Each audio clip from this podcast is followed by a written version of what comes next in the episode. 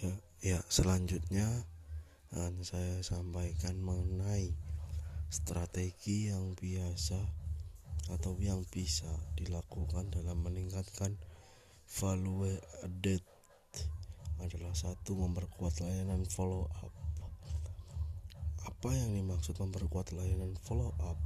Memperkuat layanan follow up sendiri yaitu follow up lagi mengenai layanannya gimana sih tentang layanan itu ataupun sudah baik ataupun belum seperti itu. Mungkin banyak dilakukan oleh para pengusaha yang sudah paham atau sudah berpengalaman follow upnya mungkin ya teman-teman bisa tanyakan juga ke pedagang-pedagang atau sekitar perusahaan sekitar kalian. Ya selanjutnya yang kedua adalah memberikan saran kepada pelanggan serta pelayanan dengan tingkat profesionalisme yang tinggi ya memberikan saran pelanggan kepada pelanggan. Ya pasti anda tahu sendiri ya sarannya seperti ini. Mungkin jika ada sebuah ada dua barang yang yang fungsinya hampir sama tetapi kualitasnya berbeda nah maka dari itu saran dari anda itu ya mungkin ini saja pak karena yang A mungkin lebih baik ketimbang yang B. Nah, seperti itu. Jadi yang A ini seperti ini seperti ini seperti ini. Banyak keunggulannya ketimbang B. Nah itu adalah sebuah saran terhadap pelanggan dengan tingkat profesionalitas yang tinggi seperti itu. Yang ketiga menetapkan service level sebagai standar pelayanan.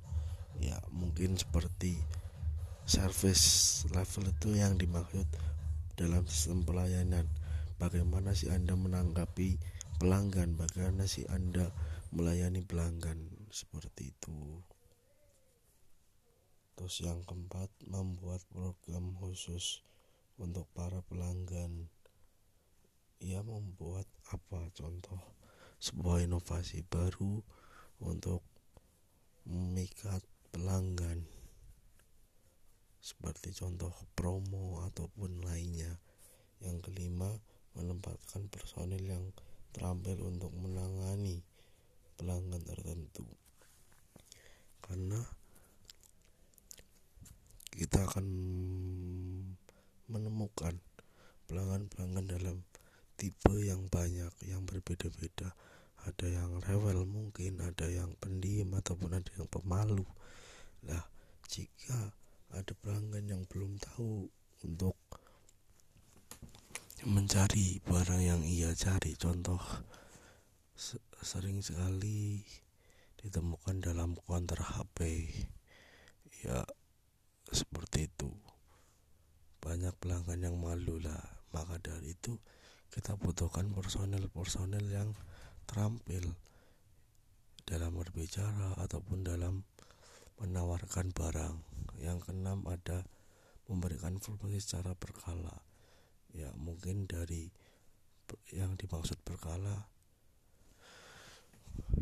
ya dari urutannya contoh pertama contoh HP saja ada. Merek contoh informasinya merek. Sudah merek baru tipe sudah tipe baru spek seperti itu. Mungkin seperti itu itu yang bisa saya sampaikan. Kurang lebihnya mohon maaf. Wassalamualaikum warahmatullahi wabarakatuh